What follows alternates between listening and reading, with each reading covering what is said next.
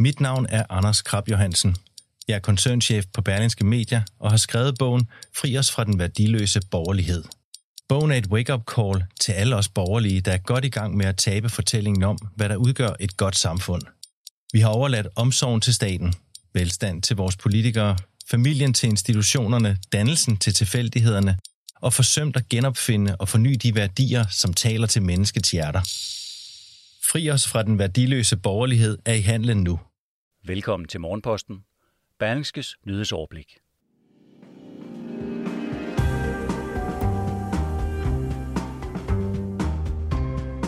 Allerede nu kan de 18-39-årige gå på nettet og bestille tid til boostervaccinering mod corona. En af Danmarks mest magtfulde lobbyister skælder regeringen huden fuld for fodslæb og passivt spil over for samfundets ældre. Og så har myndighederne i Hongkong revet en kontroversiel dansk statue ned og fjernet den i ly af natten. Jeg hedder Jon Kaldan, og jeg har sat morgens nyhedsoverblik sammen til dine ører lille juleaftensdag torsdag den 23. december. Velkommen. Vi kan risikere at skulle betale op til 16.000 kroner mere om året i strøm og naturgas, skriver Berlingske. I øjeblikket stiger energipriserne nemlig i rekordfart til næsten en tredobling af den gennemsnitlige pris i november, den hed til dyreste måned i 2021. Priserne på energi har peget opad i de seneste måneder, hvor udgiften til både naturgas, el og brændstof er blevet markant dyrere, siger Brian Friis Helmer, der er privatøkonom i Arbejdernes Landsbank. De stigende elpriser alene betyder, at en helt almindelig familie har udsigt til at skulle betale godt 3.500 kroner mere om året, hvis vi sammenligner med prisen for et år siden. Og det betyder, at den gennemsnitlige familie med de nuværende priser skal med 300 kroner mere om måneden alene på sin elregning. Elpriserne kan variere, alt efter hvilken udbyder man har. De reelle prisstigninger kan altså både være højere og lavere. Har man derudover et gasfyr som varmekilde, kan man se frem til en endnu større energiregning hen over vinteren. En gennemsnitlig husstand, der opvarmes med naturgas, har udsigt til at skulle betale godt 16.000 kroner mere om året, hvis vi sammenligner med prisen for et år siden, siger Brian Fris Helmer til Berlingske. De 18-39-årige har siden i går aftes kunne bestille tid til at få deres tredje vaccinestik mod corona. Det er nu, skrev Sundhedsstyrelsens direktør Søren Brostrøm ud på Twitter kl. 9 i går aftes. Han havde på gårdsdagens pressemøde sammen med sundhedsministeren annonceret, at man havde besluttet at fremrykke det såkaldte boosterstik til netop aldersgruppen 18-39 år, med argumentet, at der er rigtig meget smittespredning i netop den gruppe. Det eneste krav for at få boosterstikket er, at der er gået mindst 4,5 måned, siden man fik sit andet vaccinestik. Men nu er det der, så det er bare med at tjekke ind på nettet på adressen vacciner.dk og få bestilt tid, lyder opfordringen fra Søren Brostrøm. Selvom landets sygehuse higer efter arbejdskraft, får den såkaldte Arne-pension, regeringens mærkesag, omkring 300 sygeplejersker til at forlade deres stillinger. Pensionsordningen vil i de kommende år suge knap 1000 sundhedsfaglige medarbejdere ud af sundhedsvæsenet, skriver Berlingske.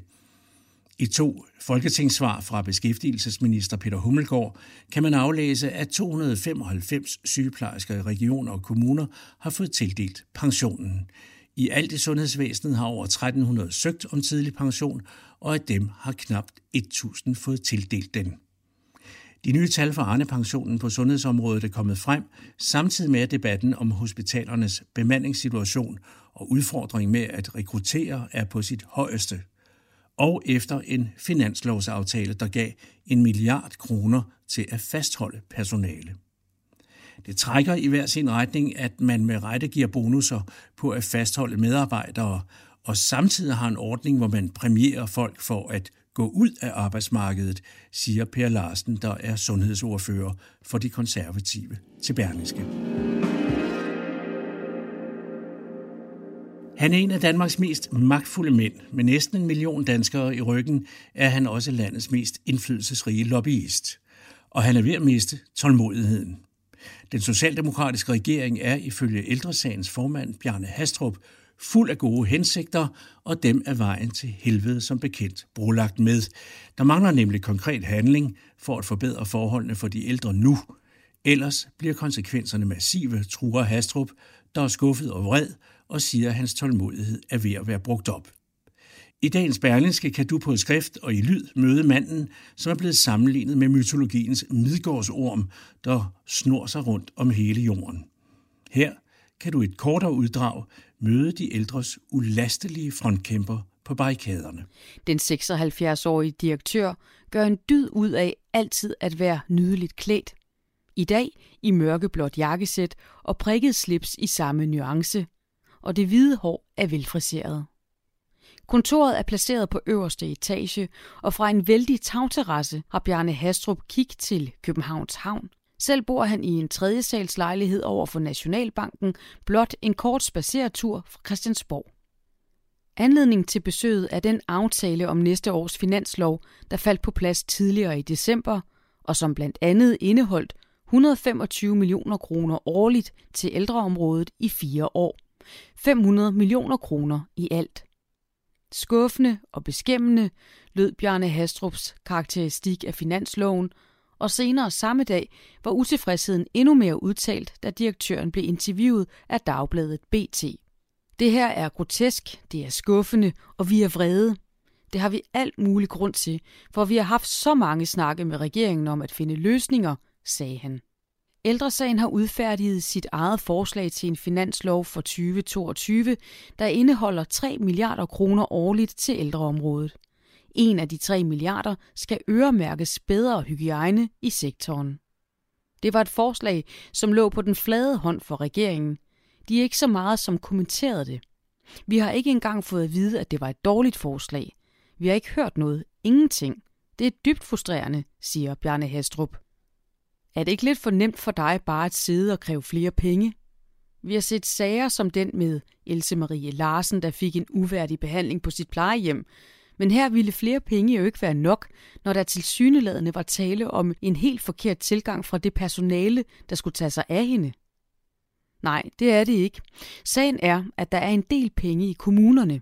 De må bare ikke bruge dem. Jeg er skuffet over, at den politik, vi har drøftet med dem i to år, ikke har ført til konkrete handlingsplaner.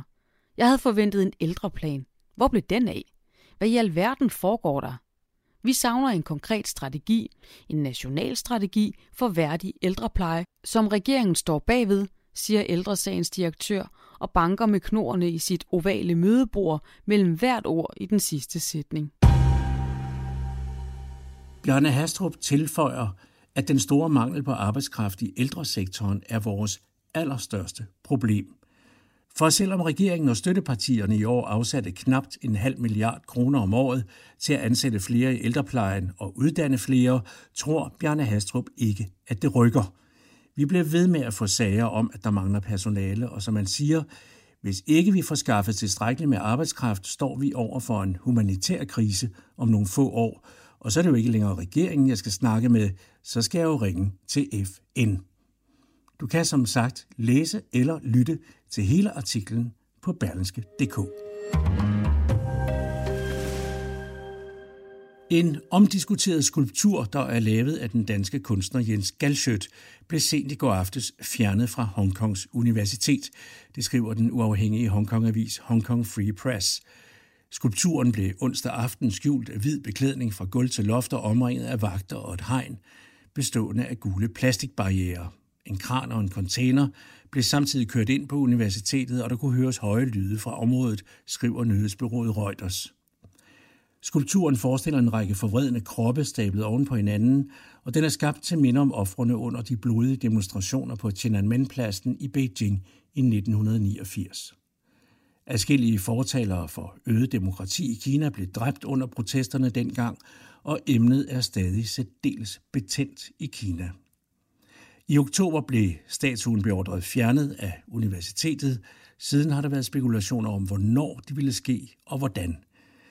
Jens Galschødt siger, at han vil rejse erstatningskrav mod dem, der nu har fjernet hans ejendom.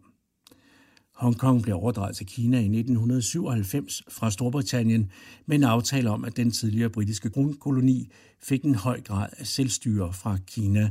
Men det kinesiske regime har trods protester efterhånden sat sig fuldstændig på styringen af Hongkong. Vi bliver i området, for Kina er på stor indkøb af amerikansk naturgas i flydende form. For selvom USA og Kina stadig oftere støder sammen om de store linjer i samhandlen, så er Kinas energigiganter i gang med at støvsuge det amerikanske marked for naturgas.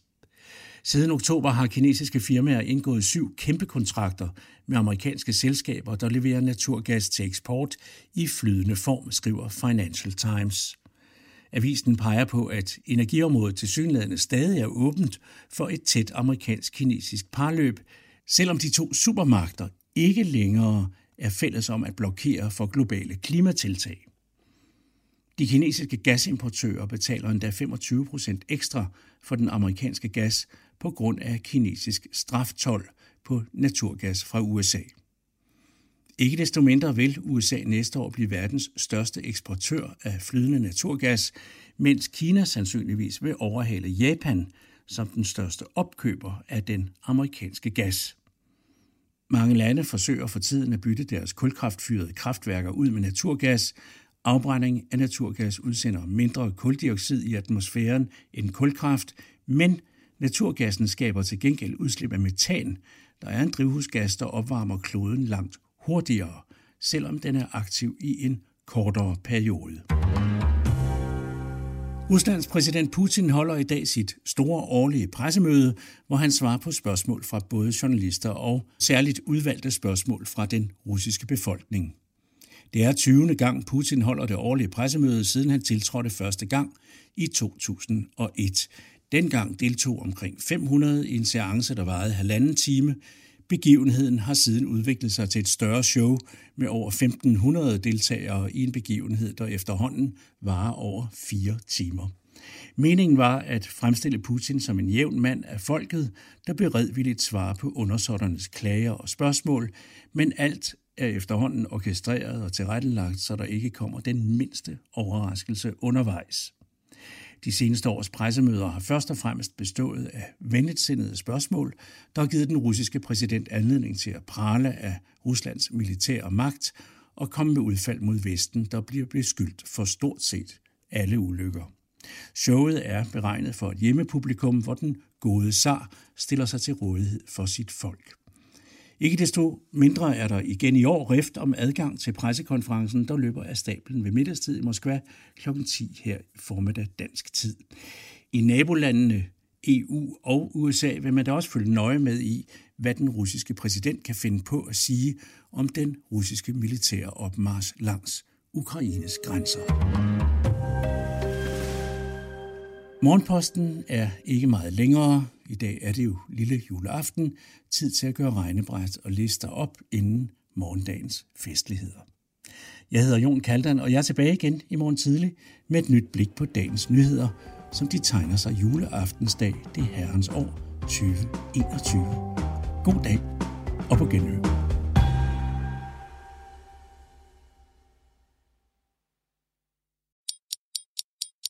Mit navn er Anders Krab Johansen. Jeg er koncernchef på Berlingske Media og har skrevet bogen Fri os fra den værdiløse borgerlighed. Bogen er et wake-up call til alle os borgerlige, der er godt i gang med at tabe fortællingen om, hvad der udgør et godt samfund. Vi har overladt omsorgen til staten, velstand til vores politikere, familien til institutionerne, dannelsen til tilfældighederne og forsømt at genopfinde og forny de værdier, som taler til menneskets hjerter. Fri os fra den værdiløse borgerlighed er i handlen nu –